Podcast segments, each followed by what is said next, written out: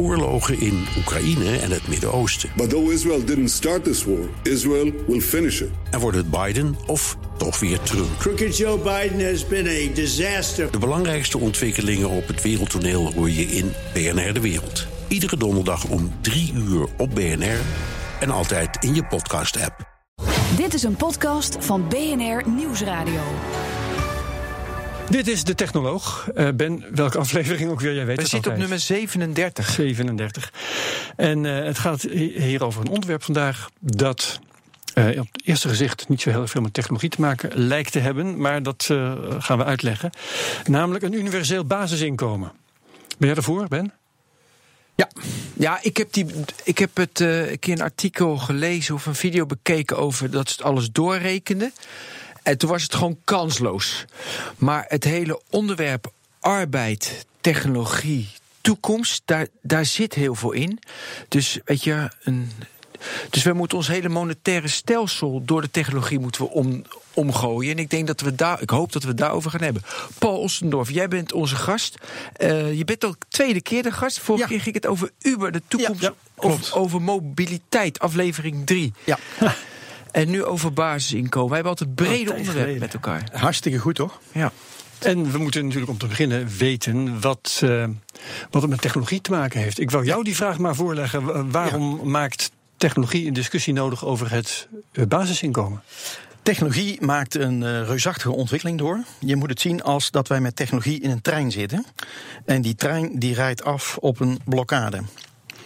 En als je dus niks doet, dan wordt het een heel groot ongeluk met onze economie. En uh, dat moet je zien te voorkomen. Dus uh, ik denk dat de discussie over, die Ben net al aanstipte, de verhouding arbeid, technologie en uh, geld, ja, die is niet te vermijden. En veel mensen vermijden hem op dit moment wel. Ja, maar het is nog, wat je nu zegt, is mij nog te veel beeldspraak. Ja. Wat doet de technologie wat dat doet de technologie? wij deze discussie nou, moeten voeren? Je moet het zien als het is een gevolg van de automatisering. En de automatisering haalt jouw werk uit handen. En zie het nou zo als een tijdlijn. Zo vergelijk ik het althans altijd. En helemaal links aan de tijdlijn is niks geautomatiseerd. En dan zit jij dus met je handen vol werk. Ja, met een en spa helemaal, in handen. Zo. Ja, en helemaal aan de rechterkant van die lijn is alles geautomatiseerd van die ene activiteit. En zit jij dus zonder werk. Nou, die tijdlijn kun jij voor elk onderdeel bedenken. En sommige mensen zeggen, ja, nee, maar er zijn dingen die kunnen nooit geautomatiseerd worden. Nou, die discussie wil ik nog wel eens aan, want ik denk dat alles geautomatiseerd kan worden. En nou kun jij voor elk onderdeel uit de economie wat jij kunt bedenken, pak je die tijdlijn en dan kun je zeggen, ja, hoe ver ben ik op die, met die activiteit op die tijdlijn? Ja. Nou, de voortgang van de technologie is dat al die lijnen naar rechts aan het gaan zijn. En dat uh, functies waarvan we dachten die kunnen nooit geautomatiseerd worden, die beginnen nu ook allemaal in zicht te komen. Die kunnen ja. ook allemaal weg geautomatiseerd Zoals het schrijven worden. van stukjes in de krant, ja. bij wijze van ja. spreken. Nou, en er zijn er een aantal mensen die werpen dan tegen, ja, maar dat is, dat is toch van alle tijden. Banen zijn altijd verdwenen en er kwamen altijd weer nieuwe banen. Ja, dat is het liberale ja. standpunt, zeg maar. Dus je kunt zeggen van, uh, kijk, je kunt nu dronepiloot worden. Hartstikke leuk. Maar tien jaar geleden, als je ging solliciteren als dronepiloot, ja, dan had je weinig kans, want we hadden nog geen drones. Ja. Althans, niet op, op dus enige serieuze schaal. Nieuwe functie. Ja, maar de vraag is of het ontstaan van nieuwe banen het kan bijhouden bij, door tegen het wegvallen van de banen die door automatisering worden opgevreten. Ja, want we hebben niet evenveel dronepiloten nodig als vrachtwagenchauffeurs. Precies, maar wat precies. Ja. Nou, vroeger was het zo, dus als je kijkt naar de geschiedenis uh, toen de technologie begon, uh, elke zich uh, ontwikkeld land is begonnen met een landbouwtijdperk. En dat betekende dat, nou zeg maar, tot meer dan 90% van de mensen werkte in de landbouw. En de rest was een beetje aan het managen, zeg maar, om dat land te laten lopen. En toen wij gingen automatiseren, en dat was in het geval van de landbouw, was dat mechaniseren gingen we dus machines gebruiken om die zware arbeid te verrichten. En er waren in één keer veel minder banen nodig in uh, de primaire sector. En we deden de mensen, die vluchten lekker naar de secundaire sector, naar de industrie. En we gingen ja. ze omscholen en dan gingen ze daar aan het aan werk. de lopende band staan. Precies. En toen ja. werden er, en op een gegeven moment kwamen daar lopend, eerst was het nog handwerk, maar er kwamen er lopende banden en er kwamen er machines en er kwamen er computers en er kwamen er robots. En op een gegeven moment kwamen we erachter dat alles wat zwaar, gevaarlijk, snel, uh, nee, kon allemaal geautomatiseerd worden. Nou, er was geen geen enkel probleem. Want al die mensen gingen vrolijk door naar de dienstverlening. Ja. En uh, dan gingen ze allemaal weer herscholen. En allemaal opleiding en allemaal in de dienstverlening. En vaak betaalde dat nog beter ook. En nou blijkt dat die banen in de dienstverlening zijn ook niet veilig door de opkomende automatisering. Er is nu een proces gaande wat we noemen de digitale transitie. Dus de, de overgang naar steeds meer geautomatiseerd werken. En die digitale transitie is in de versnelling gekomen door de opkomst van artificial intelligence. Machine learning, deep learning en alle begrippen die je er maar bij kunt bedenken. Ja, hebben we het hier ook we over hebben gehad. het er wekelijks over. Ja, ja, Oké. ja, ja. Dus Nou, ga maar dat proces snel door. gaat er snel door. Dat proces gaat nu zo hard dat we zien dat allerlei banen in, in gevaar komen. Banen waarvan we vroeger dachten dat ze nooit weggeautomatiseerd konden worden. Dus pak bijvoorbeeld het vak radioloog. Dat is een eh, behoorlijk zware eh, Ja. functie. Hè. Dan ben je dus je zit eerst zes jaar medicijnen te studeren. Daarna ga je nog vijf jaar specialiseren in een ziekenhuis. Dus dan heb je uiteindelijk elf jaar studie en ervaring achter de rug. En dan mag je jezelf officieel radioloog noemen. En wat doe je als radioloog? Je belangrijkste taak is eh, diagnosticeren op basis van medische beelden. En wat blijkt nu? Dat doet de computer beter, sneller, makkelijker, goedkoper en met minder fouten. In 80% van de beelden. Dus nou, met 80% het, het pers- van, percentage ligt ja, nu al hoger. Nou ja, de wel. laatste cijfers En uit de dermatologie. stijgen. Ah, dat zal ja, stijgen. dermatologie ligt nu op 98% voor de computer en 96% juist voor Ja, de dus daar dermatoloog. iets mee. Dus dat gaat ook al hard achteruit. En nou is de vraag, als dit een succes wordt, waar vluchten wij dan bij mensen bedoel ik? Wat moeten die radiologen gaan doen? Ja. Nou, nou, of alle andere functies. Ja, want zeker, ja, ja. ik bedoel, we zitten nu in die tertiaire sector, de dienstverlening. Maar we weten niet wat we na die dienstverlening moeten gaan doen. Ja, want er Paul, is geen volgende economische sector. Maar daar gaan we het over hebben. We weten waar doen we naartoe. Maar ik wil nog ook even eh, een stapje terug. Want jij begon bij, eh, zeg maar bij de landbouw en dan kwamen de machines. Maar ik wil nog een stapje terug. Als, als, je, als, je, als je Harari leest, weet je, dan, dan zegt hij van joh, mensen die. eh, eh, de, de- dus de verzamelaars, die, die, weet je, die werkten vier, vijf uur per dag, hadden ze eten, was het genoeg. En als, je, als je kijkt naar die geschiedenis van de mens, zijn we steeds meer gaan werken. Dus we werken steeds meer. Ik ga niet de stap maken dat we nu bijna 16 uur per dag werken. Want we gaan er straks over hebben. Als je een Google search doet, dan werk je ook. Want je zorgt voor geld voor Google. Dus daar gaan we straks over hebben. Maar we zijn alleen maar meer gaan werken. Dus de definitie van wat wel werk is en wat niet werk is. Dat wil ik al. Weet je, we zitten te vast, naar mijn idee, in het begrip werk. Dat je een baan hebt. Dat je van, nee, want jij denkt nu ook een baan verdwijnt. Een radioloog als baan verdwijnt. Maar dat is natuurlijk al heel raar dat we een baan hebben. Een radioloog dat hij naar het ziekenhuis gaat en dan naar een teken, sorry, naar een, Ja. een CT-scan gaat zitten wat kijken. Paul bedoelt, eh, neem ik toch aan als vrij duidelijk, is betaald werk. Ja. Ja, nou, maar hij stipt Ja. een heel goed punt aan, want er is een discussie gaande. Ja. Wat is werk? Hè, accepteren wij dat een beloning altijd de, de tegenprestatie is van een hoeveelheid werk die verzet is? Dat is precies wat om gaat. als het inderdaad. precies wat om gaat. Dat is Als je die discussie aan wil, moet je ook definiëren wat jij werk vindt. En Ja. dat is iets wat jij nu aanstipt. Ja, want dat kunnen we bijna, dus dat door de technologisering kunnen we bijna niet meer vasthouden. Dat- het traditionele werk, je gaat naar een, een baan of ik doe iets ervoor. Ja. Daar komt bij. eh, dus ik geloof in jouw toekomstscenario, wat is werk, dat we geen werk meer hebben, want die radioloog verdwijnt, om even dat nog als voorbeeld te houden. We zijn alleen maar meer gaan werken. Dus ik durf het toekomstscenario niet in één keer gewoon te extrapoleren van, oh, dan verdwijnen de banen. Tuurlijk, ik heb ook, maar ik heb ook een scenario van, joh, er komen wel, weet je, ook als we het denkwerk wordt overgenomen, daar komt wel weer iets voor in de plaats. Dus ik wil ook Ja, met maar jou daar zou dat toch onderzoeken, dat- wat dat- dan? Ja, precies, maar daar zou het eerste teken toch al van te zien moeten zijn. En dat Nou, is wat Paul zegt, het is er niet. dat- nou, een eerste teken is er wel. In de tijd dat wij bezig waren met het optimaliseren van werk, waardoor je een hogere productie haalde, eh, resulteerde dat in eh, meer welvaart, doordat een deel van die opbrengsten ook terechtkwam bij de werknemers. En natuurlijk waren de eigenaren eh, er goed mee, want er werd meer omzet, meer winst, maar een deel druppelde door naar de werknemers. En als je nu de economische grafieken pakt van eh, alle zich verontwikkelde landen, dan zie je vanaf de midden 70 jaren een trendbreuk. En dat is dat de nieuw gecreëerde waarde in de bedrijven niet altijd meer evenredig veel terechtkomt bij de werknemers zelf. Dus je ziet dat er veel meer blijft hangen in het economische systeem. De aandeelhouders, Ja. de, de, de directeuren de van de factor bedrijven. kapitaal, hè? Ja, die, eh, die houdt meer voor zichzelf. dat is het neoliberalisme. Weet je, Ja. dat je alles aan de markt overlaat, dus regulering dat is te kort geschoten. Ik Ja, bedoel, dat maar, is de nou, conclusie. dat, nou, dat is maar deels waar. Je moet het ook zien als, eh, laten we als voorbeeld pakken, iemand richt eh, Amazon op. Of vul maar een van de moderne tenten in. Ja. En je kunt in een paar jaar tijd, als je geluk hebt en je doet het heel erg goed, kun je een miljardenbusiness uit de grond stampen. Dat was nu niet meer.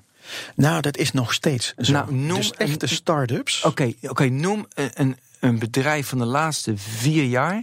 Je wordt direct door de, de Frightful Five, ik wil de Big Five, we nu de Frightful Five, word je direct overgenomen. Het, het is, het is heel lastig om daar nog iets mee te doen. Kijk, ik weet uiteraard niet wat er eh, volgend jaar of over twee jaar de grote doorbraken in de Nee, economie gaat eens doen. maar jaar. neem nou eens een tent van eh, Leap. Ken je Leap? Leap Ja. zit in de research voor eh, de, de brillen met mixed reality. Ja.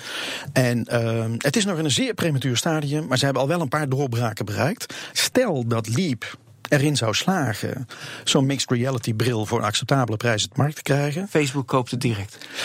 Nou, dat is maar de vraag. Ja, Want er direct. zitten nu al hele andere partijen Google, daar met vier ja, ja. achter. Nee, maar, nee, maar kijk Paul, dat is dus ook een ander fundamenteel probleem over werk. Weet je, het monopolie is zo heftig op dit moment. En dat wordt door minder mensen gedaan dan vroeger als je gewoon een staalfabriek hebt. Mhm. Weet je, waardoor er veel minder mensen traditioneel hoeven te werken. Want ik werk voor Google als ik een search doe. Dus, en Google betaalt mij niet. Ja, ik betaal Google. Ja. Dus weet je, d- daar zit fundamenteel iets fout. Dus jij zegt wel van, je kan in vier jaar. Dat is dus is echt iets veranderd de laatste zes, zeven jaar. Ja, ik geloof niet dat dat spel voorbij is. Hè. Ik, Maar, ge- eh, ge- maar geef er een ander voorbeeld. Waarom geloof je dat niet? Dat ik. Omdat ik eh, dat tien jaar geleden, misschien nou twintig jaar geleden ook gezegd zou kunnen hebben. Alle grote bedrijven bestaan al, het kan niet meer. Ja. En toch zijn er daarna nog heel veel start-ups geweest. Waarvan het gros mislukt is. Maar er zijn er Of geweest. geacquireerd. Hè? Ja. Maar ook, ook eh, Google en ook Facebook eh, zijn eh, eh, geprobeerd. eh, deze zin is een beetje kreupel, maar eh, Yahoo heeft geprobeerd ze te kopen. Of Ja, Google ja, heeft ja. Facebook geprobeerd. te- Weet je wel? Dus ehm, Maar het is een deel van er zijn er altijd klopt. een paar die daaraan Nee, ontsnappen. ja, Ja, er zijn een paar hele grote spelers ontstaan. En het lijkt alsof die total world dominant zijn. Maar ik geloof niet dat dat altijd zo zal blijven. Omdat niets in de geschiedenis voor eeuwig was. Dus ook een Apple ook- is nee, niet voor eeuwig. Je hebt gelijk. De komende tien jaar niet. Eh, sorry, de komende tien jaar denk ik het wel. Daarna niet meer. Hm. Weet je, dan, dan is, je hebt altijd een life cycle. En je gaat uiteindelijk dood aan bureaucratie en aristocratie. Daar gaat iedereen een dood. En dat Ja. zijn ook gewone bedrijven uiteindelijk. Dat zie je nu, dat hele gedoe met Google. Weet je, dat zijn interne vrotten. En dat gaat altijd mis. Ja. Maar de komende tien jaar zie ik, zoals de dominantie was met de oliebedrijven in het in het begin- begin 20e eeuw, zie ik de databedrijven van nu, zie ik echt nog wel 10, 15 jaar echt dominantie hebben. Maar hoe belangrijk is dit voor de dis- discussie over Heel het belangrijk. basisinkomen? Ik denk heel belangrijk, want daardoor verandert de, de werk, de manier van werken verandert daardoor. Wat ik zei, ze hebben relatief weinig werknemers. Ze hebben heel veel geld en macht, dus heel veel geld gaat daar naartoe. En de overheid. En de overheden, nu word ik wel grof, zijn te laf of die reguleren niet voldoende. Wel in Europa, maar in Amerika dus niet, omdat de neoliberalisme nog heel erg in zit. Eh, reguleren ze dat onvoldoende, waardoor er geen geld gaat naar mensen die ja, geen baan hebben of weinig verdienen. Dus die verdeling is gewoon extreem rijk of helemaal niks. Nou, en dan zeg je dus, reguleer het zo dat die mensen die niks hebben ook een basisinkomen hebben. Nou, ik denk dat eigenlijk dat eh, geef jij al een heel is. stuk van de motivatie waarom Oh, een eh, universeel basisinkomen nodig is. Want jij zegt eigenlijk, de, de, de macht zit in steeds minder partijen Ja. en steeds groter. Ja. En dat verschijnsel heet in de economie een plutonomie. En met een plutonomie bedoel je dat er steeds meer geld binnenkomt bij een steeds kleinere groep. En dat betekent als tegenprestatie dat er steeds minder geld binnenkomt bij een steeds grotere groep. En dat is een beetje het probleem wat ik net in, in het begin zei, dat wij met onze eh, economie afstevenen op een roadblock en met volle vaart. Hè, we hebben dadelijk dat een heel kleine groep heel goed verdient en zelfs op zijn veel verdient. En een heel grote groep die uit die standaard economie, maar dan moeten we nog even de definitie van werk straks hebben, eh, geknikkerd is en eigenlijk zonder baan zit en zonder inkomen. Ja, en alleen nog maar wat kan doen voor eh, Amazon Mechanical Turk. Bijvoorbeeld. Bijvoorbeeld. Of helemaal niks kan doen, omdat er Ja. gewoon geen baan meer is. Want alles wordt zo'n beetje weggeautomatiseerd. Ja. Want ook Google wordt een heel eind weggeautomatiseerd. En ook Apple kan een heel eind weggeautomatiseerd worden. Ja, maar ook kijk, op zich, hè. Is dat ook helemaal niet erg. Want als, uh, ik weet niet het bedrag op dit moment uit mijn hoofd, maar het zit ver boven de 200 miljard dat Apple buiten Amerika heeft staan, dollar. dollar hè. Um, en dat is natuurlijk zo absurd. Veel ze weten niet wat ze ermee moeten en het staat er maar enzovoort. Als je dat netjes distribueert over weet je, mensen, nee, dan kom je al heel ver met je basis, uh, basisinkomen. en dat er dan de Tim Cooks en de, en de Johnny Ive extreem veel geld hebben met hun boten en alles wat ze hebben. Joh, prima, dat mag je hebben. Maar dan hebben heel veel mensen hebben het prima. Ja. Dus wat opvalt. Uh, ja. nee, maak, maak je ja, en dat, die verdeling is er dus niet. Ja, en wat opvalt, dat is dat juist een aantal beroemde technologie-tycoons zich hebben uitgesproken voor zijn basisinkomen. Elon Musk heeft dat gedaan. Ja. Uh, Mark Zuckerberg heeft dat gedaan. De baas van Slack, waarvan de naam even ontschiet, die heeft dat gedaan. Wat, uh, ze zien het probleem op zich afkomen. Ze zien het probleem op zich afkomen. Of is het ook in hun belang? Want ik heb ook zitten bedenken. Ja, het is in hun belang. Als wij allemaal een basisinkomen hebben en al die mensen die Mechanical Turk uh, moeten doen ook, dan wordt arbeid nog goedkoper. Ja, maar als wij in de toekomst geen inkomen hebben, kopen we ook hun producten allemaal niet nee, meer. Dat dus is ook het een is hele hun eigen belang. Ze hebben belang bij dat dat geld goed verdeeld ja. blijft. Wie gaat nog die T-Force kopen? Als jij uh, straatarm bent en je zit zonder baan, dan koop jij geen iPhone 11 ja. of 12 of 13. En Snap je? Dus zij, zij, zij, nou, ze moeten wel, nee. Uh, misschien vinden ze het wel handiger als de overheid dat doet, dan dat ze het zelf moeten doen. Mensen meer uh, betalen. Okay, dat is een discussie. Wie, wie doet het werk? Maar, ja, maar het is ook een discussie in wiens belang is het. En, en uh, proberen zij iets op het bordje van de overheid te schuiven wat ze zelf ja, zouden kunnen ja. doen. Nou, het is in het, denk ik dat in het belang van ons met allemaal. Het, met het, uh, de reserves van Apple. Ja, het is in het belang van allemaal. Ja, met de reserves van Apple, die zijn gigantisch. Dat, dat klopt, ze hebben meer dan 200 miljard aan uh, liquide middelen staan. Maar om een idee te geven, als je in Nederland een basisinkomen zou invoeren, ja, om het even in verhouding te zetten, heb je toch 160 miljard per jaar nodig. Oh, dus je jas dat in, in uh, anderhalf jaar, jas je heel het vermogen van dus Apple er doorheen. Dat kan als je het alleen maar zo geeft. Maar er zijn mogelijkheden waar je daardoor een stuk efficiënter kunt maken. hey, laten we even, want nu we hebben echt, we nemen hele grote stappen. Ja, heel, heel ja ik ben ervan bewust. Ja. Dus ik wil even dat scenario van dat de, de radioloog verdwijnt en een alternatief van nou, de het is meer dan een radioloog, hè, ja, voordat nee, we daar blijven hangen. Maar symbool, alle banen, maar, alle banen zijn in gevaar. Ook ja, de banen waar je hooggeschoold voor moet zijn. Precies, dus maar laten we die even als symbool, want dat is lekker okay. concreet. Die, uh, even de alternatief zie je wel alternatief banen, dat zei je net wel, dat je toch wel alternatieven ziet, nieuwe banen die er wel komen. Zullen we op dat spoor ook nog even. Ja, er zullen best banen ontstaan die uh, er nu nog niet zijn. Die uh, op dit moment door mensen gedaan kunnen worden. En nog niet, let op de woorden, nog niet door AI. Maar dat is een kwestie van tijd. AI gaat harder vooruit dan dat mensen vooruit gaan. Mm-hmm. En op een gegeven moment zal AI mensen inhalen. Links, rechts en door het midden. En dat, uh, wanneer dat punt exact ligt, weet ik niet. Maar laten we zeggen, 30 jaar na nu lijkt mij een veilige schatting om te zeggen dat we links, rechts en door het midden ingehaald zijn door AI. Je bereikt dan het punt waarop je zegt, je hebt een artificial general intelligence. Iets wat uh, hoe dan ook intelligent genoemd kan worden en wat in een machine zit. En op het moment dat je dat ding hebt, dan komt de volgende stap een artificial superintelligence. Want je trekt de portemonnee nog wat verder open. Want als je een AGI kunt maken, dan kun je ook een ASI maken. Dat is een kwestie van geld en tijd en doorsleutelen. En dat is dan ongeveer de laatste uitvinding die wij mensen hoeven te doen. De rest laten we lekker aan de AGI en de ASI over. Dat ja, is een beetje de, de, de, de we waarschijnlijk een volgende keer over gaan praten. uh, wat is dan de rol voor de mensen überhaupt nog? Ja. Maar nu nog even, nu houden we het even okay, bij ja, die houden nog te goed voor de toekomst. Wie gaat dat betalen? Nou, als je het, het, het basisinkomen want, doe Ja, want langzamerhand wordt dan de vraag: hè, als je dat wilt, laten we even gemakshalve aannemen dat we dat willen. Ja.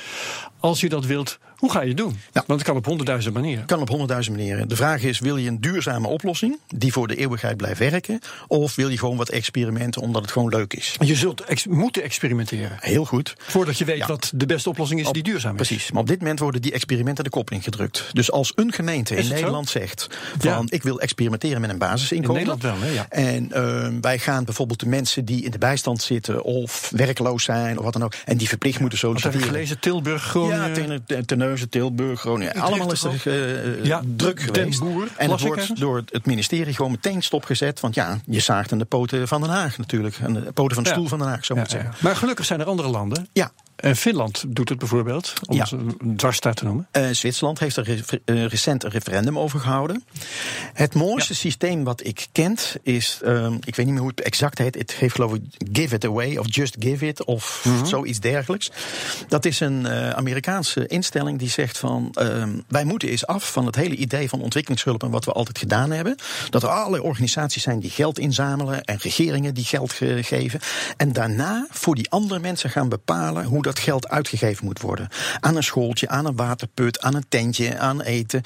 En die instelling zegt, alle bedrijven die zich daarmee bezighouden, en alle eh, regeringen die zich daarmee bezighouden, hebben een systeem gecreëerd waarbij tot in het ergste geval 90% van het geld in het systeem blijft hangen.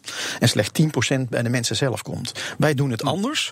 Wij maken een systeem waarbij we geld eh, ophalen van allerlei bronnen. We vliegen in dit geval naar Kenia.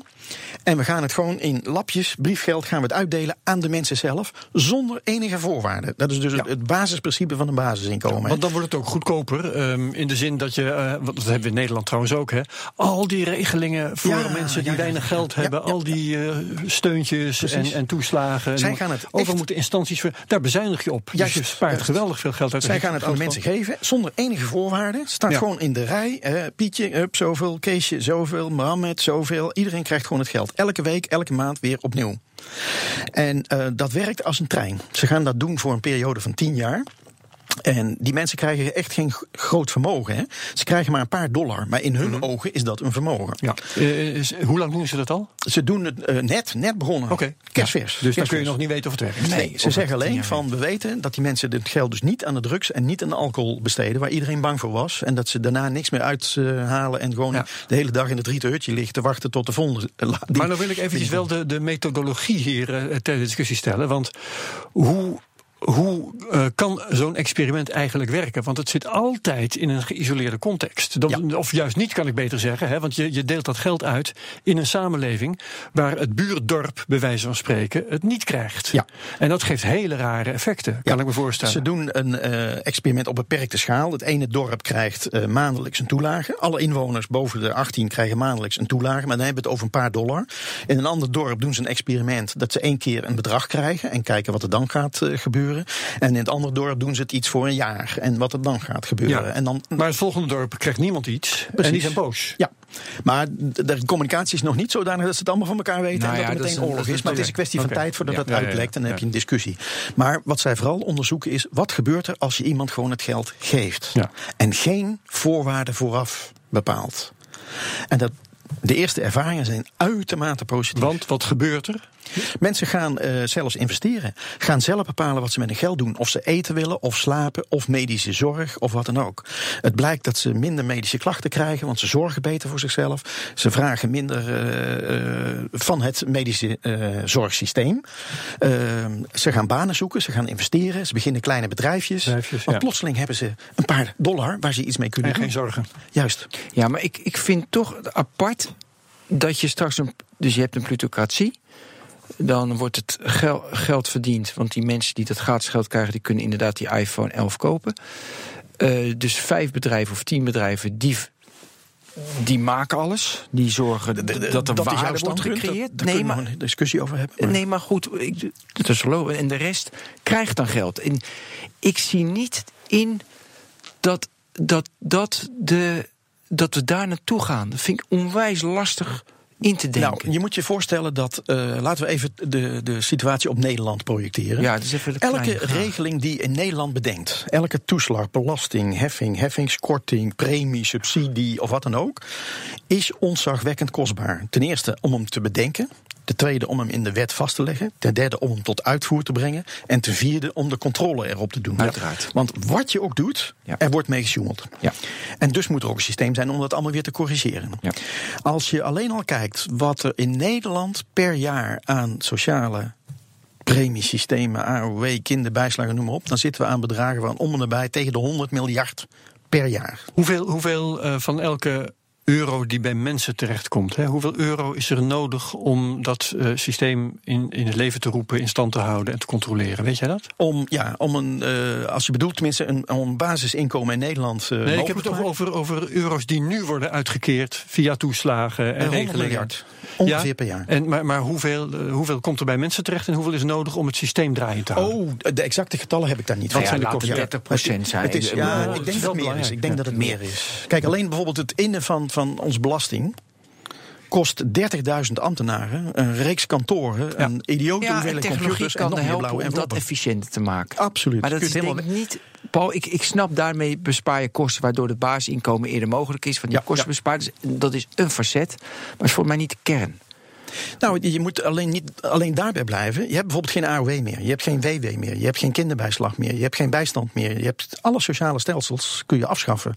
En daarmee zijn in één keer eh, een paar honderdduizend mensen werkloos. die dat nu allemaal voor ze, hun rekening Ja, die krijgen een basisinkomen. En die krijgen een basisinkomen, dus dat Dus, probleem ja, je ook, eh, niet kwijt. Maar je kunt grofweg sowieso al eh, de helft van het systeem, wat je nodig van het, van het monetaire hoeveelheid die je nodig hebt voor het basisinkomen, halen uit optimalisatie door banen weg te. Maar goed, die Ja, Zijn berekening... ook weer werkloos? Maar, ja, precies. Maar die, eh, maar, eh, maar die berekening, het was 160 miljard in ons land. Nu. Nu. Ja, nu ongeveer. Dus, eh, dus je redt het niet. Nee, ja, de, ik zeg al, de, helft, de helft heb ik al door het alleen al te beginnen. Dan heb ik al de helft. Dan gaat het erom, hoe kan ik nou aan die andere helft van dat geld eh, komen? Ja, En kom dat, eh, dat kun je onder andere doen door eh, het systeem verder te betrekken in eh, het belastingssysteem wat we hebben, het monetaire systeem wat wij hebben. Maar dan maken we hele grote sprongen. Wij hebben nu een belastingwetgeving van hier tot Tokio. Echt, daar kun je in eh, promoveren, daar kun je op studeren. Dat is een onzagwekkend complex geheel. Het is zo complex geworden dat het zelfs een sport is. Hoe jij en, en grote instellingen de minst mogelijke belasting kunnen betalen door allerlei ontwijkende manoeuvres uit te voeren. Ja. Waardoor jij in ieder geval door de mazen van het net glipt. lukt Zo altijd. complex Ja. hebben wij het gemaakt. Ja. Dat is eigenlijk belachelijk. Stel nou dat je in de toekomst zou zeggen: ehm, wij maken een, eh, een, een, een, een systeem om, om van waarde te wisselen. En zodra er sprake is van een waardeoverdracht. En dat gaan we uiteraard digitaal doen. En met eh, misschien wel een virtuele munt, want daar ben ik nog steeds heel erg voorstander van.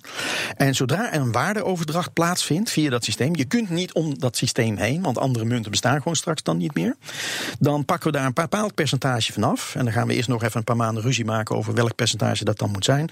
En dat gaat de pot in van de inkomsten van de overheid, die dan straks weer gebruikt worden om dat basisinkomen te financieren. Als je alleen al in Nederland dat zou doen, spaar je 30.000 belastingambtenaren uit. Spaar je een hele berg kantoren uit. Blauwe enveloppen, computernetwerkjes, eh, databases. En nog ontzettend veel meer ergernis bij mensen die elk jaar weer opzien tegen een vreselijk complex eh, formulier. Wat dan weliswaar steeds verder wordt ingevuld door de computers. En dat, zou, dat laatste moet je al aan het denken zetten. Want wij zitten dus gewoon wat we in de economie noemen bullshitbanen in leven te houden. Doordat we. eh, ja, er is dus iemand die heeft de regeltjes bedacht. Die heeft een computerprogramma geschreven en die vult die regeltjes in in een formulier. En dan krijg jij op een bepaald moment in het jaar een belastingaangifteverzoek. En dan blijkt dat driekwart is ingevuld. Tenzij je een heel complex iets hebt. En dan is eigenlijk alles al ingevuld. Dan moet jij nog iets invullen. We zitten elkaar gewoon allemaal in een circuitje bezig te houden. Daar kun je dus omzeilen als je dat circuit eruit weet te halen. Zo zijn er in de economie heel veel circuits te bedenken. die je eruit kunt halen door gewoon de bullshitbanen eruit te werken. Ja, maar dat weet iedereen. Wat? Dat? Maar, eh, maar dit weet iedereen dat het zo is. Dat er bullshitbanen zijn en elkaar een beetje bezighouden. Maar, Maar wil goed, je ze in stand houden? Wil jij eindigen in een economie vol met bullshitbanen? Of wil jij eindigen in een zinvol bestaan? In iets waarvan je zegt dat bevredigt mijn gevoel van ik ben nuttig voor mezelf, voor mijn gezin, voor de samenleving of wat dan ook. En dat laatste, dat blijkt bij heel veel mensen van belang te zijn. Want iedereen die dacht van, oh, maar als we mensen een basisinkomen gaan geven, nou, dan werken ze niet meer, dan gaan ze allemaal aan de drugs en aan de alcohol. En dat blijkt helemaal niet te We gebeuren. hadden het over experimenten. Hè? Eh, het is mij te binnen geschoten dat we al heel lang een experiment hebben met een basisinkomen. Dat is de AOW. Dat is een. eh, Klopt dat? Vind ja, dat nou ja, dat, dat, daar- daar kun je een semantische discussie over houden. Eh, kijk, de AOW is niet aan voorwaarden gebonden. Je krijgt hem bij het bereiken van een zekere leeftijd. En je ziet dat mensen, sommige mensen gaan vlieren fluiten. Hè, dat is waar we bang voor zijn in de context van een basisinkomen. Sommige mensen gaan vrijwilligerswerk doen. Heel veel. Anderen gaan bedrijfjes oprichten. Of gaan ja. blijven hun baan enzovoort. Ouderen zijn actiever dan ooit hiervoor. Dat is heel interessant. Terwijl ze toch een Als je Dus, dus mijn vraag is, in hoeverre is dat, is dat een geldig experiment eh, waar je iets uit kunt concluderen over een basisinkomen? Ja, we kunnen er in ieder geval uit, uit concluderen dat mensen niet zonder meer vervallen tot eh, eh, hedonisme. Nee, geval bejaarden niet, dat is natuurlijk, hè, ze gaan vrijwilligerswerk doen, gaan studeren, gaan reizen, gaan Ja. iets doen. Dus wat dat interessant. betreft is het een positieve ontwikkeling. Ja, ja. Ehm, maar we waren op zoek naar het geld voor een basisinkomen. Waar denk jij dat dat te halen valt? Nou, uit alle dingen die we net eigenlijk genoemd hebben, van elk sociaal stelsel wat je nu kent, op, eh, de belasting, nou, die schaf ze af. eh, je schaft ze procedure. af. Ja. Gewoon rechtstreeks afschaffen. En heb je dan geen geld nodig van bedrijven? Want je zou kunnen zeggen, hè, de Facebooks en de, en de Apples van deze wereld... eh, denk- ik denk daar zelf wel wat voor missen. Eh, dat wil zeggen, als je praat over de bestaande liquide middelen die ze hebben, om dat erbij te betrekken om het te kunnen financieren, dan Ja. is, ben je slecht bezig. Andere want die mensen- een keer op. Hoe groot Ja. de pot ook is bij bijvoorbeeld een Apple. Je moet dus een duurzaam systeem maken wat zichzelf in stand kan houden. Ja. Kijk, fundamenteel kun je zeggen, een overheid heeft altijd genoeg geld, want een overheid kan geld scheppen. Hè, we, we kunnen gaan spreken, en maar dan Je krijg je een enorm inflataar. Dan krijg je een heel inflataar eh, scenario. Dat moet je Nee. niet hebben. Dus je kunt ook zeggen, ik kan ook naar een toekomst toe waarbij ik juist minder geld nodig heb, doordat ik het voor elkaar krijg dat de mens zelf steeds meer autarkischer wordt. En met autarkisch bedoel ik dat als jij zou kunnen zorgen voor je eigen energiebehoeften, voor je eigen voedsel, voor je eigen medische zorg, voor je eigen industriële productie. En van al die dingen kun je een hele eh, podcast van de technoloog volpraten. Dan eh, zit je in een toekomst waarin jij steeds minder nodig hebt van de economie. Er is een proces gaande wat je eh, zou kunnen omschrijven als het demonetariseren van aspecten uit de economie. En dat proces is begonnen. Du moment dat jij eh, 20 zonnepanelen op je dak gooit, dan betekent het dat jouw energierekening aanzienlijk naar beneden gaat. Want je krijgt een hele hoop gratis stroom uit die zonnepanelen. En als jij de enige bent in Nederland, dan voelt niemand dat en de elektriciteitsfabrikanten al helemaal niet. Maar op het moment dat 5% van de Nederlanders panelen op het dak gaan leggen, dan gaat er iemand op zijn hoofd krabben en die zegt: hé, hey, onze productie eh, klopt niet meer. En ehm, we verliezen op de lange termijn, want wij moeten omhoog transformeren, omlaag transformeren, hoogspanningsnetwerken hebben, transformatorhuisjes hebben, leidingen in de grond hebben. En die grappenmakers daar, die zetten wat paneeltjes op het dak en die hebben alles eh vernop, want de zon schijnt voor iedereen.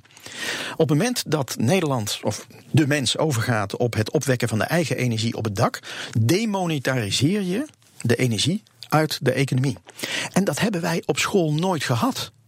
Wij hebben op school nooit geleerd dat je iets kunt demonetariseren. Maar waar gebeurt er dan nog meer? Want mensen. Bij de voedsel. eh, nou, dat wou ik nou net zeggen. Dat vind ik een, een dubieus idee dat mensen echt hun eigen voedsel zouden gaan verbouwen. Nee, eigen brood zouden een, bakken. eh, Nee, is daar mooie net doorbraak onder Vanaf dat het. eh, we weten dat het in fabrieken beter kan. En dat de, de bakker, de specialist, dat beter kan. Ja, nee, maar er is nu een, een techniek om eigenlijk allerlei biologisch spul te laten groeien onder ledlampjes.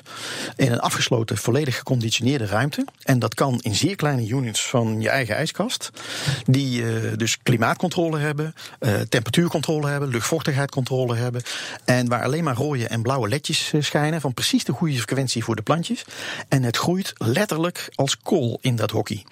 En om je een idee te geven, het produceert per vierkante meter, hou je vast, 200 gram groente per dag. Ja, dat was heel veel. Dat ja. En Ja, ja. dat is ongeveer wat we zouden moeten eten volgens het voedingsbureau. eh, Ja, maar dat is leuk voor een reis naar Mars. Maar eh, daar gaat eh, iemand die in, in een straat woont, in een rijtjeshuis, gaat daar niet zijn eigen Ja, eten uithalen en morgen, ophouden, kant-en-klaar maaltijden Maar er zijn start-ups die dat soort apparaten nu op de markt zetten. dat is- ja, die maken dus een soort, ja, noem het maar een soort, als een wijnkoeler ziet het eruit. Een mooi ruitje met allemaal lampjes ervoor. En je voedsel wordt daar gecreëerd. En dat gaat nu eenvoudig, met eh, van bladgroenten tot en met tomaatjes, zeg maar, kun je dat eh, doen. Maar het hoeft ook niet nog niet meteen bij iedereen in huis. Het kan ook zijn dat je zegt: ik doe dat in de wijk. Ik doe dat in een stadsdeel. En eh, dan ben ik al beter bezig dan wat ik nu tegenaan loop. Dat ik naar de supermarkt ga en dat ik daar twee uien koop. Prachtige uien in een netje. En daar staat erop dat ze uit Australië komen of uit Nieuw-Zeeland. En dan denk ik, waar zijn wij mee bezig dat we twee uien aan de andere veel verder weg kun je het niet bedenken. Hè? Die komen dus uit Nieuw-Zeeland en die komen helemaal hier naartoe om bij ons op te eten. Dan denk ik, dan zit er toch ergens bij iemand iets los dat je dat überhaupt bedacht hebt. Nee, dan, moeten Die allerlei terechtkomt. Dus als je die- milieukosten moeten Ja, dus verdisconteerd als je de hele distributieketen eruit kunt halen en je kunt de uien maken daar waar ze gegeten worden. En dat kan dan met, van mij wat zet je in een torentje op de Albert Heijn, bij wijze van spreken, met verdiepingjes met sla, tomaat, uien, komkommer en noem maar op. En dan gaat het op de begane grond, op de eerste verdieping heb je een inpakafdeling, op de begane grond heb je gewoon eh, de, de supermarkt en dan roept iemand naar boven, Harry, nog een kilootje tomaten en hoest, komt met een liftje naar beneden. Maar leg nog even uit waarom dit belangrijk is voor de discussie over het basisinkomen. want Omdat dat je- draadje ben ik aan het kwijtraken. Ja, dat is omdat je aan het demonetariseren bent. Op het moment dat je dus de macht, om het zo maar te noemen, van de, van de mens zo groot kunt maken. dat je voor je levensbehoeften niet afhankelijk bent van het idee economie. Om aan je eten te komen, of aan je energie te komen, of aan om wat dan ook. Dan heb je ook geen geld meer nodig. Want wees nou eerlijk, waarom werken wij? Wij werken om een universeel ruilmiddel te krijgen. Geld. En met dat geld kopen wij de dingen die we zelf niet kunnen. Zeker. Dat is de hele truc van het geld. Daarvoor hebben wij een spelletje bedacht dat heet economie. En we hebben alleen maar geleerd op school groeien, groeien, groeien. En zolang het groeit is het allemaal goed. En nou komt er in één keer door de ontwikkeling van technologie, door de ontwikkeling van artificial intelligence, door de ontwikkeling van computers, bits, bytes, blijken we in staat te zijn om steeds meer van die economische macht naar de mens zelf te over te hevelen. En of het nou om energie gaat, of het gaat om voedsel, of straks om 3D-productie. eh, met nanotechnologie, 3D-printers, waardoor ik eenvoudige objecten al Maar, zelf maar kan waarom maken. zou je geen eh, basisinkomen kunnen hebben in een wereld zoals we die nu kennen? Met, met eh, producten die wel over de wereld heen en weer worden gevlogen. Dat kan- dat gaat toch, nou, dat ja, kun je ook heel goed voorstellen. Ja, dat zou in theorie kunnen, maar als je de Is het productieketen dan kunt te duur of zo? Hm. ja, dan wordt het te duur. Als je de productieketen kunt optimaliseren door transport eruit te dan win je al een enorme hoop. En je moet het zo zien dat, eh, nou, bij de marine hadden ze laatst een leuk experiment. Die eh zeggen, ja, dan hebben wij bijvoorbeeld een, een belangrijk fregat. En eh, dat is bezig met een actie ergens, nou, vul maar in waar op de wereld. En dan gaat er een onderdeel stuk. Ja, wat nu? Moeten we dat overvliegen? Eh, hoe, hoe lang? Dat de fregat ligt ergens in zee voor een kust, iets te doen. Moeten we dan met rubberbootjes naartoe om het te monteren? Totdat ze zeiden, nee, wij kunnen dus met 3D-printers... kunnen we tegenwoordig ook metaal printen. En we kunnen ook kijken of we dat onderdeel gewoon ter plekke... we sturen de instructies op, digitaal. En op de boot zelf maken ze maar het onderdeel. Nou, dat blijkt fantastisch te werken. Alleen je komt niet door de testen heen die er voor die onderdelen Ik geverfd wil zeggen, worden. want er zijn hele strenge eisen, Juist. toleranties, dat eh, dus materiaaleigenschappen, noem maar, Maar op. er wordt wel aan gewerkt. Ook een Boeing zegt, als er een vliegtuig in, in Sydney landt en er is iets stuk, onderdeeltje 5392, dan kunnen we dat wel overvliegen. Maar het is natuurlijk veel handiger als we het lokaal kunnen maken. Dus er is een neiging vanuit de technologie om productie steeds eh, meer lokaal te gaan ondernemen. En dat is het leuke. Hè? Vroeger waren we altijd bang van de productie en de maakindustrie. Die is naar China gegaan. En in die tijd dat het naar China ging, zei ik: jongens, wees nou blij dat het naar China gaat. Verder weg kan niet. Het kan alleen maar dichterbij komen. Dus we zitten hartstikke goed met, met deze oplossing. En nu begint het dus dichterbij te komen. We halen de Voor productie sommige, voor sommige dingen. Want ik zie mensen ook nog hun eigen iPhone niet in elkaar zetten. Nog niet. Nog op niet. hun, eh, in hun schuur. Maar denk je dat het over 30, 40 jaar ook nog onmogelijk is? Nou, onmogelijk weet ik niet. proberen. Kijk, er, er zijn eh, hobbyisten die hun eigen telefoon in elkaar zetten. Maar eh, ik denk dat, dat dit soort complexe producten... dat die altijd efficiënter in eh, fabrieken... in elk geval centraal geproduceerd kunnen worden. Ja, en dat denk ik dus niet. Dat, dat ben ik fundamenteel met je oneens. Ik denk dat de opkomst van. ehm, kijk, met de huidige printers is het niet te doen. Maar ik denk dat de opkomst. dat je 3D-printing moet zien. als dat wordt straks opgevolgd door nanotechnologie. En met nanotechnologie fabriceer ik tot op atomair niveau. En ik denk. Niet over 10, niet over 15 jaar, maar laten we zeggen 30, 40, 50 jaar. Dat je dus de meest complexe producten in elkaar kunt zetten. Met je eigen systemen thuis. Dat, gaat, dat, dat vind ik wel ver weg. Dus vind ik Dat is ver lastig. weg, maar dat heeft dus eh, te maken met dat proces waarvan ik Ja. net zei. Je demonetariseert steeds meer. Daardoor worden sommige dingen Ja, dus dat vind, waardeloos. ik vind dat een interessante Ze hebben dus geen geldelijke functie meer. Terwijl wij op school geleerd hebben dat alles in die economie moet zitten. Want oh jee, als het er niet in zit. En nou komen in één keer dus dat dat, dat, dat niet hoeft. maar het verschuift ook, hè? Want die zonnepaneelbouwer, weet je, die heb je nog steeds. En die 3D Nou, straks print ik dus die zonnepanelen. Dus oké, en dat print ik met een Printer, printer. die ik van de buren even leen van doe mij ook zo'n printer. Oké, want die, en maar die buren heeft ook die printer weer gekocht. Of, Eén één moet er beginnen. Ja, nee, maar snap je? Dus je Ja. krijgt altijd een centralisatie van. Ja, nee, Iemand want ik, die- ik spaar gewoon mijn huisvuil op. Uh, kijk, wat wij in de afgelopen 250 jaar gedaan hebben met de industriële revolutie, is dat wij alle leuke atomen, ik heb het niet over waterstof en koolstof, want die waren er altijd al heel erg veel, maar het leuke spul, cadmium, lood, zink en dergelijke, dat hebben wij in de afgelopen 250 jaar heel leuk verdeeld over de schil van de planeet. In ieder geval over de ontwikkelde landen. Dus in Nederland zijn genoeg goudatomen, zijn genoeg zeldzame aardes, zijn genoeg zink, loodatomen en noem maar op. Als wij dus, als wij in de toekomst in staat zijn om dat te recyclen tot op atomair niveau en een beetje te verdelen, kan je in principe de hele productie van een iPhone hier in Nederland uitvoeren zonder materialen in te voeren. Ja, maar iemand moet natuurlijk wel zorgen dat die atomen op een bepaalde manier bij elkaar komen. En dat doe ik dus met die nanotechnologie straks. Nou, straks, dat is over enkele decennia. Ik kan dan in principe alles in elkaar zetten. Ja, maar waarmee? Dat is toch een... Met een printer. Die... Noem het maar een printer. In de nanotechnologie heet het een assembler. Een in elkaar zettertje, zeg maar. Die dus met atomen werkt. Nou, dus nu is dat science fiction. Ja, behoorlijk. maar en jij denkt dat dit is zo, zo decentraal... dat de, de Frightful 5 ook niet meer bestaat. Er is geen dominant. Dat is het dus allemaal niet. Nee, dan. dat is dan weg. Dat ben ik van overtuigd. Ik, ik gun het ze van harte, laten we dat voorop stellen. Want ik ben erg fan van een bepaald aantal merken wat jij uh, net opnoemde. Maar uh, niets in het leven. Uh, Waar bepaal je dat het zo decentraal gaat worden? Omdat uh, het. nou, laat, laat ik een voorbeeld geven. Ik vind het wel interessant. toen Trump aan de macht kwam, ja. zei Trump van I'm gonna be the biggest job creator. Op zijn Trump, zeg maar. En wat hij wilde waren de jobs van Foxconn teruggaan naar Amerika. Mm En dat was zo hilarisch, omdat Foxconn enorm bezig is al die medewerkers eruit te lozen en daar robotjes in te zetten. Dus ik dacht, beste Trump, waar ben jij nou mee bezig? Jij zit banen naar Amerika te halen die aan het verdwijnen zijn of al verdwenen zijn. Dat je de productie naar Amerika haalt, toppie, hartstikke goed. Want je moet de distributie uit de keten halen. Dus als het de productie in Amerika komt voor de Amerikanen, dan is dat goed. Maar je moet de productie in Amerika leggen voor de Amerikanen. Je moet de productie in Frankrijk leggen voor de Fransen. In Nederland voor de Nederlanders. Je moet het juist verdelen over de hele wereld. Nou, nu kan dat nog niet. Want uh, we zijn uh, nog in het stadium dat je een flinke centralisatie nodig hebt om de kosten enigszins beheersbaar te houden. En om de winst van die Big Five uh, vooral hoog maar, te houden. Maar nou doe je toch alsof schaalvoordelen niet bestaan. Op dit moment wel, bestaan ze. Ja. Ik denk dat dat straks wegvalt. Op het moment dat jij de productie tegen uh, zulke lage kosten kunt maken. als je dus met nanotechnologie de belofte ziet. He, dus als je kijkt wat, wat nu 3D-printing kan, dan is het een badhanddoekhaakje en een plastic poppetje. Nou, ja, hartstikke leuk. Ja. Maar daar hoeft het niet bij te blijven. He, het kan uh, vele verdere vormen aannemen. Wordt al heel lang. Ik ben wat dat betreft net zo sceptisch als Ben hoor. Maar ik, ik, ik, ik blijf een beetje aan de rem hangen um, om te proberen te hebben over dat, dat concrete basisinkomen. Uh -huh. Uh, bijvoorbeeld de hele domme laag bij de grondse vraag: hoe hoog moet dat zijn?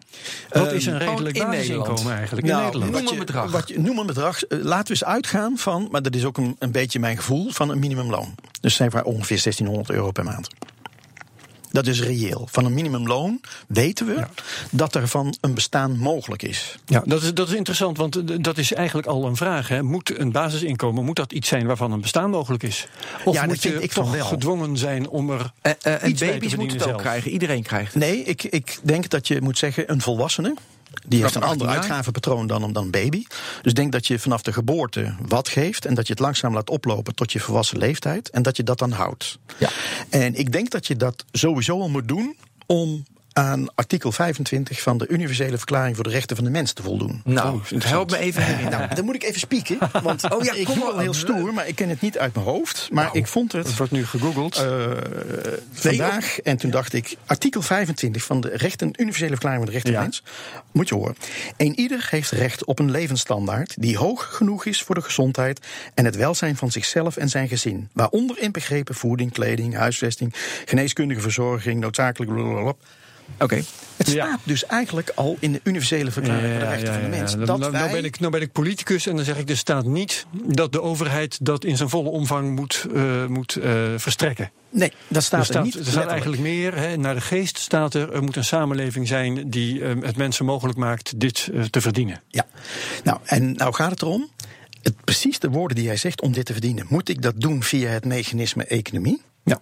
Waarvan ik dus denk dat er processen zijn die dat eroderen. hè, de, het demonetarisatie-aspect. Ja. En eh, het Big Five-aspect van hem. En de plutonomische aspecten die we net genoemd hebben. Moet je dat dan zo houden? Of zeg je van. Moet ik niet net als in de Universele Verklaring van de Rechten van de Mens zeggen van je hebt vrijheid van leven, je hebt vrijheid van godsdienst, je hebt vrijheid van meningsuiting, je hebt vrijheid om te leven in een zekere minimumwelvaart. En ik denk dat je dus artikel 25 met misschien drie zinnetjes moet uitbreiden. Om het zo te formuleren dat je zegt, ja, eigenlijk moeten we dat dan ook in die verklaring zetten. Ik hoef niet noodzakelijkerwijs het mechanisme economie, waarvan ik denk dat het aan erosie onderhevig is, te hebben om een mens een waardig bestaan te geven. Maar Paul, welk probleem lossen we eigenlijk met een eh basisinkomen in Nederland op? Het probleem dat je straks eh, meer werklozen hebt dan het huidige sociale stelsel aan kan. Door de overhead die in het systeem gebakken zit. Oké, want die overheid gaat eruit, waardoor... Ja, de- het is- maar die goed, dat- overheid is gigantisch. Ja, ook- want een re- repliek daarop zou zijn: eh, als je een basisinkomen geeft, dat is net zo erg als eh, een werkloosheidsuitkering geeft. Komt op hetzelfde neer. Ja, het is uiteindelijk goedkoper. Een, een basisinkomen Ja, je- wordt is uiteindelijk goedkoper. Ja, Ja, maar, je, zeker, ja, maar je ja. kan ook alle zeg maar, ballast eh, zeg maar, weghalen en daar goed aan werken. En waardoor, je dat ook, waardoor je ook geld Ja, bespaart. en maak maar een systeem waarin je alle ballast weg eh, werkt. En wat, wat hou je dan over? Dat er gewoon geld naar je toe komt. Zonder dat je, bijvoorbeeld stel dat je in de, in de WW komt. Zonder de vernedering van verplichte sollicitaties Ja. naar je 55ste of 60ste.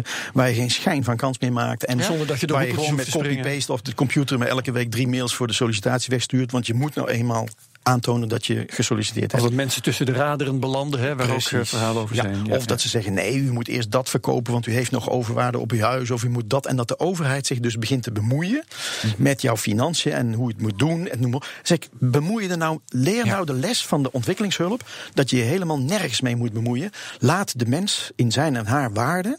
Geef ze gewoon het geld waar ze recht op hebben om een menswaardig bestaan te leiden. Zonder condities vooraf. Dat kunnen ze zelf namelijk ook. Wij moeten eens af van het idee dat mensen die arm zijn ook dom zijn. Of eh, niet eh, zelf kunnen beslissen. Weet ik, maar of dat alles maar aan de drugs en de alcohol eh, Ja, nee, gaan. maar Ze dat- zijn net zo slim als jij en ik. Nou, nou oké. Ja, Het klopt. maakt wel eh, even een overweging hier tegen dan. Het maakt mensen afhankelijk. Ehm, denk even aan, aan Obamacare. Eh, alles kan teruggedraaid worden. Stel, er komt een wet op het universeel basisinkomen. Ja. Eh, mensen gaan zich daarop instellen, verwachten elke eh, maand hun eh bijstandsuitkering, zeg Ja, maar eventjes ja. gemakshalve. Eh er komt vier jaar later een ander kabinet en het wordt teruggedraaid. Niemand weet meer hoe die moet Dat is een geweldig argument. Dat geldt ook voor de AOW, dat geldt voor de WW, dat geldt voor de bijstand, dat geldt voor alles. Als Nou, een voor de regering komt. WW bijvoorbeeld is dus um, om die reden is eh, daar een beperkte duur aan gekoppeld. AOW vind ik dat het niet eh, ter zake doet, want dat is voor mensen die oud Oh, zijn. nou, van, van mij wel. Ja? Ik ben van de Lost Generation. Dus eh, toen ik geboren werd, dacht iedereen van... oh, leuk, we hebben allemaal AOW. Totdat ik in de buurt kwam van mijn AOW-leeftijd. en bleek dat die AOW harder omhoog schoof dan mijn leeftijd. Ik ben Oh. in 1955. Ja. En ik eh, was dus de eerste generatie die, eh, waarvan ze nog niet weten wanneer die AOW krijgt. Maar in ieder geval na, na de 67,5. Hey, mag ik eh, even, ik wil even naar wat ik net zei. Als je een Google search doet, dan, dan, dan genereer je geld ook. voor Google. Ja. Met, Dan dus dan genereer- werk je ja, ook. ja. Dus ik wil heel graag eh, het zijpad even, maar dat heeft natuurlijk met werk te maken, met basisinkomen maken.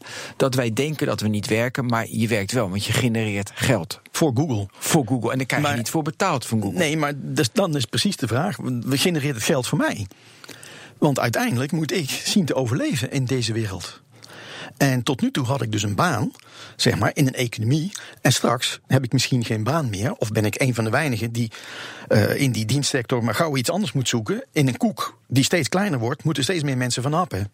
Dat is bang, waar ik bang voor ben. Dus zolang Google geld verdient, gun ik ze dat van harte. Maar ik zou ook leuk vinden als ik er een beetje geld mee Ja, maar verdien. dat vind ik zo raar, want ook een Facebook-post, weet je, dan geld. Dus heel veel wat wij doen in de Ja, maar technologie. dat, dat is per persoon. Hè. Voor, voor jou als persoon met je Google search en jij zet iets op Facebook. De waarde daarvan is volstrekt nietig vergeleken met wat jij nodig zou hebben om, om van te leven. Dat is, eh, het is wel eens uitgerekend. Ik geloof dat het voor Facebook Ja. in de orde van 100, gulden per, 100 eh, dollar euro per eh, gebruiker per jaar is. Ja. Dus Maar als je zin- klanten hebt, tikt het leuk door. Ik ben, ik ben wel, ja, voor, Facebook tikt het leuk door. Ja. Maar ik heb wel stukken gezien waarin wordt dan gepleit voor dat Facebook maar dat basisinkomen moet financieren. Mhm. Maar de bedragen die dat oplevert voor de wereldburgers die wij zijn, die zijn volstrekt oninteressant. Heb jij trouwens net Ja. ook eigenlijk al gezegd, eh, Ja. Paul. Ja, en oké, maar ook met elektriciteit, dat ik dan zeg maar opwek, weet je, dat is Ja. het.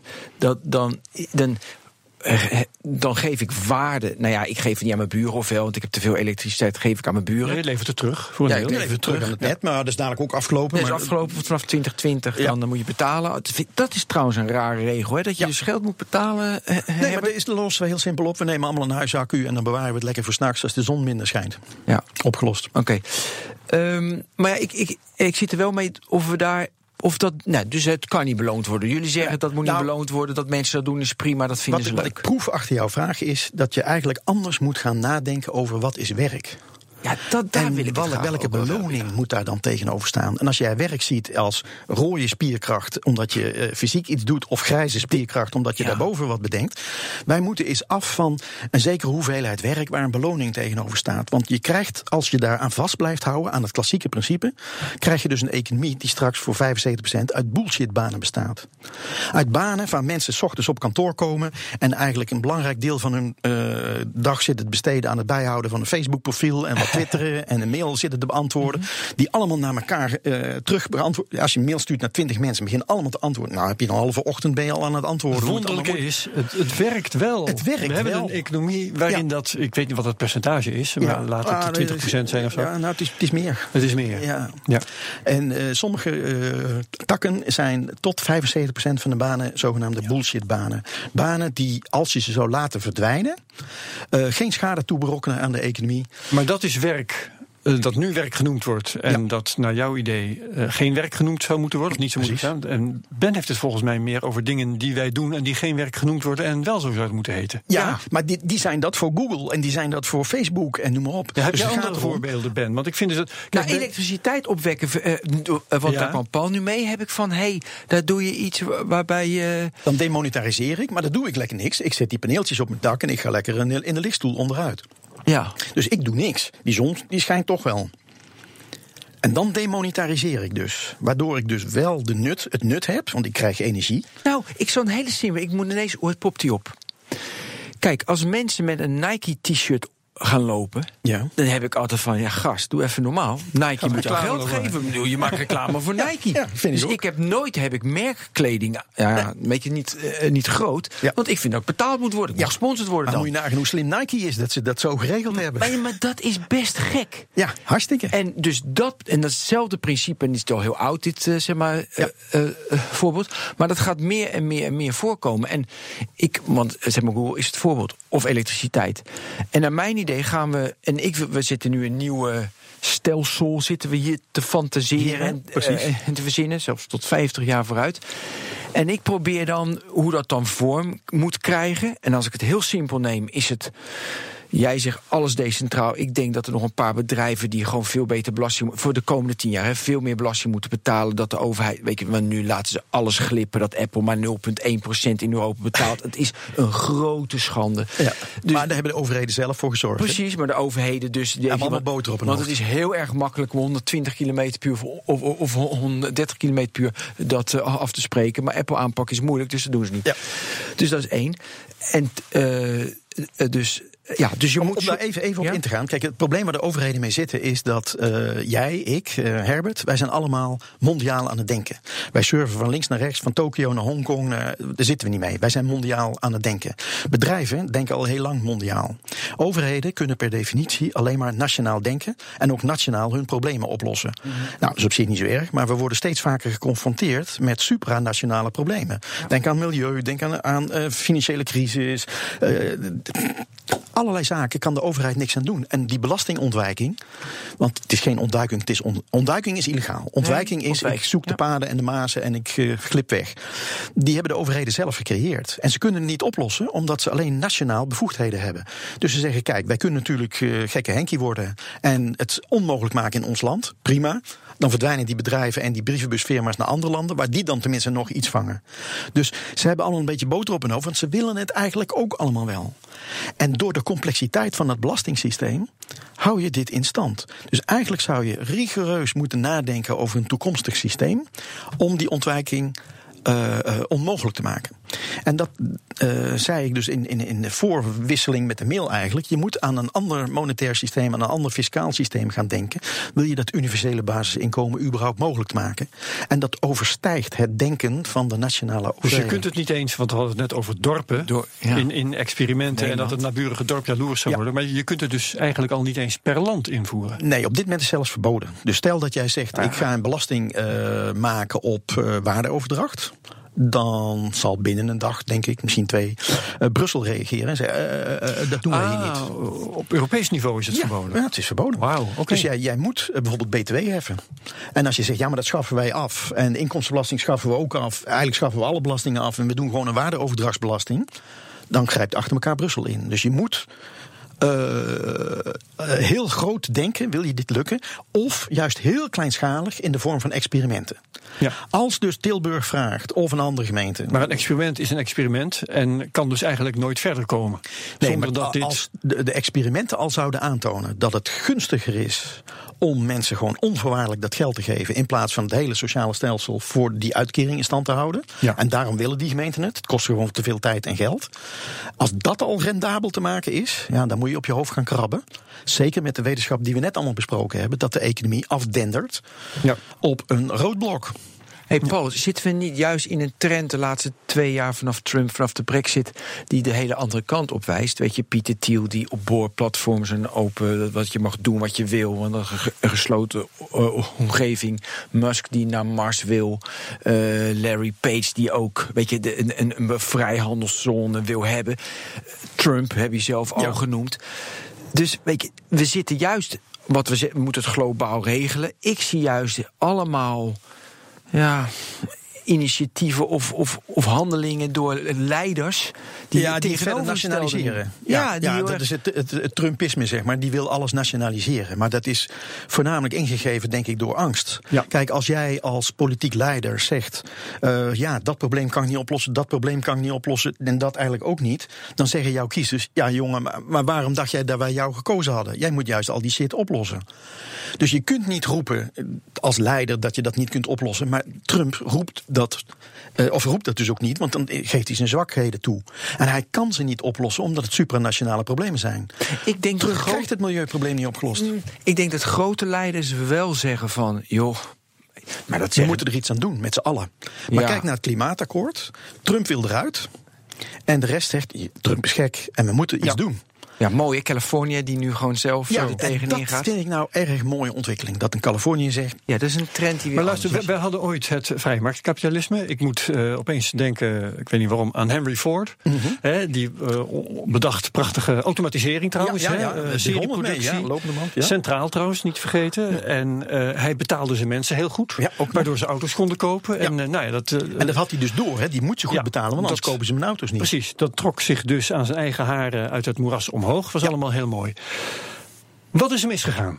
Waarom werkt dat niet meer? Wat er niet werkt Waarom en betaalt er Facebook en is. Apple en zo hun mensen Ja. niet beter? Ja, dat is in de jaren, tweede helft van de jaren 70 ontstaan. Waarbij heel duidelijk blijkt uit alle economische gegevens dat de waardedeling een kantelpunt zag.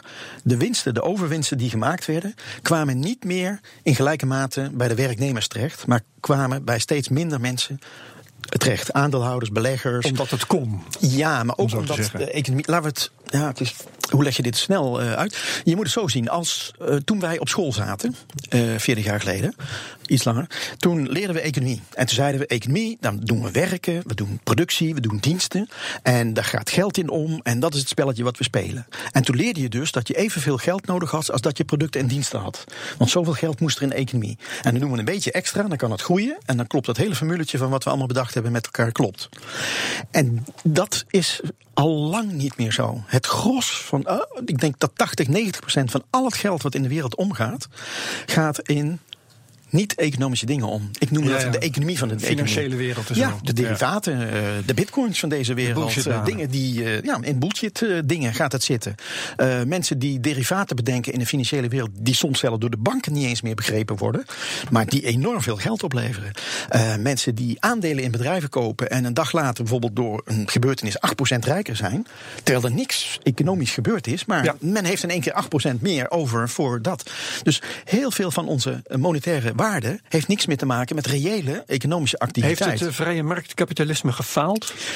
Dat zou ik dat- niet willen zeggen. Nee, het heeft wel. eh, kijk, dat is met welke insteek je, je kijkt. Het heeft niet gefaald, want het heeft ons enorm veel gebracht.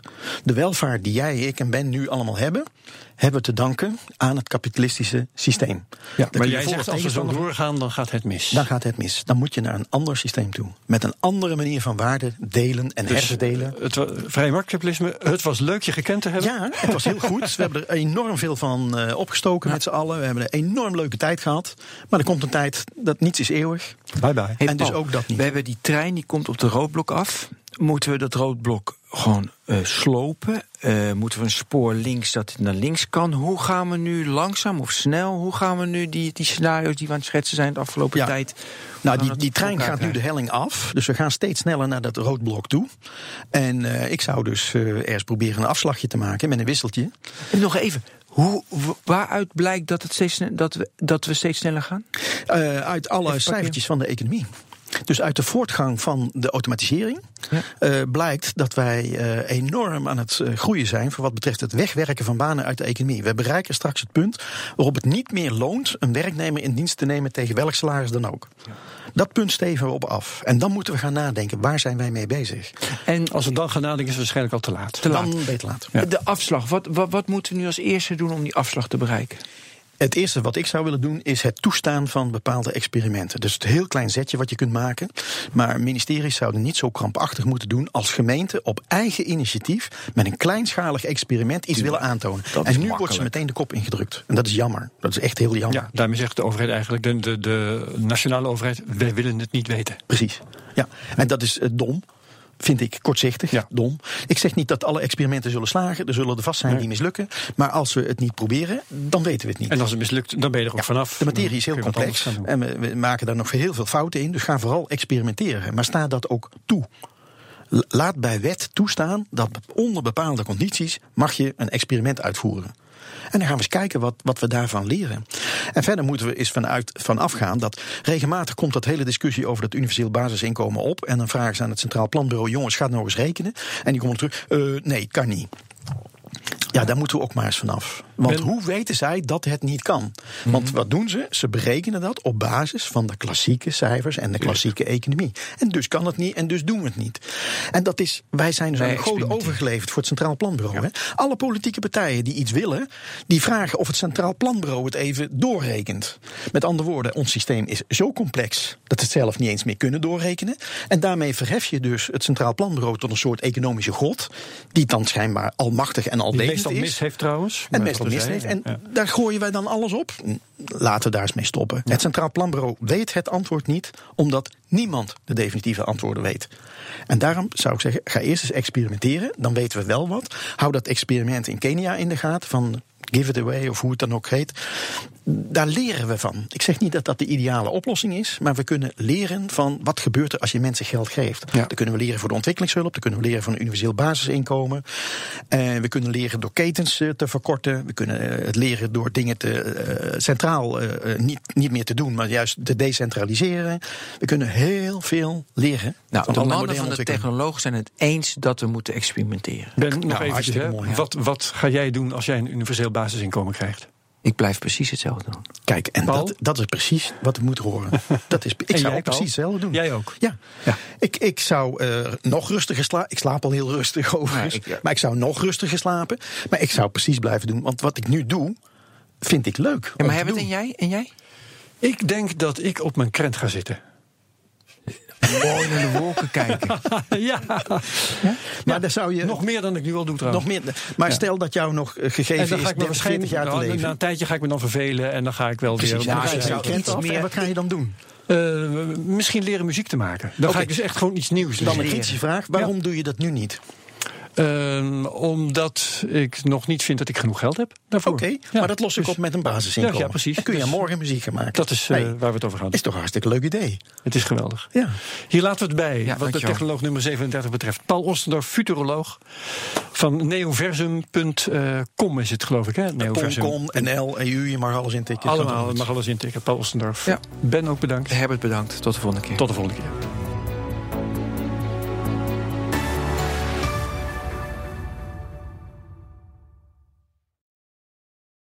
Ook Harm Edens vind je in de BNR-app. Je kunt BNR Duurzaam niet alleen live luisteren in de app, maar ook terugluisteren als podcast, zoals al onze podcasts. En naast dat de BNR-app Breaking News meldt, houden we je ook op de hoogte van het laatste zakelijke nieuws. Download nu de gratis BNR-app en blijf scherp.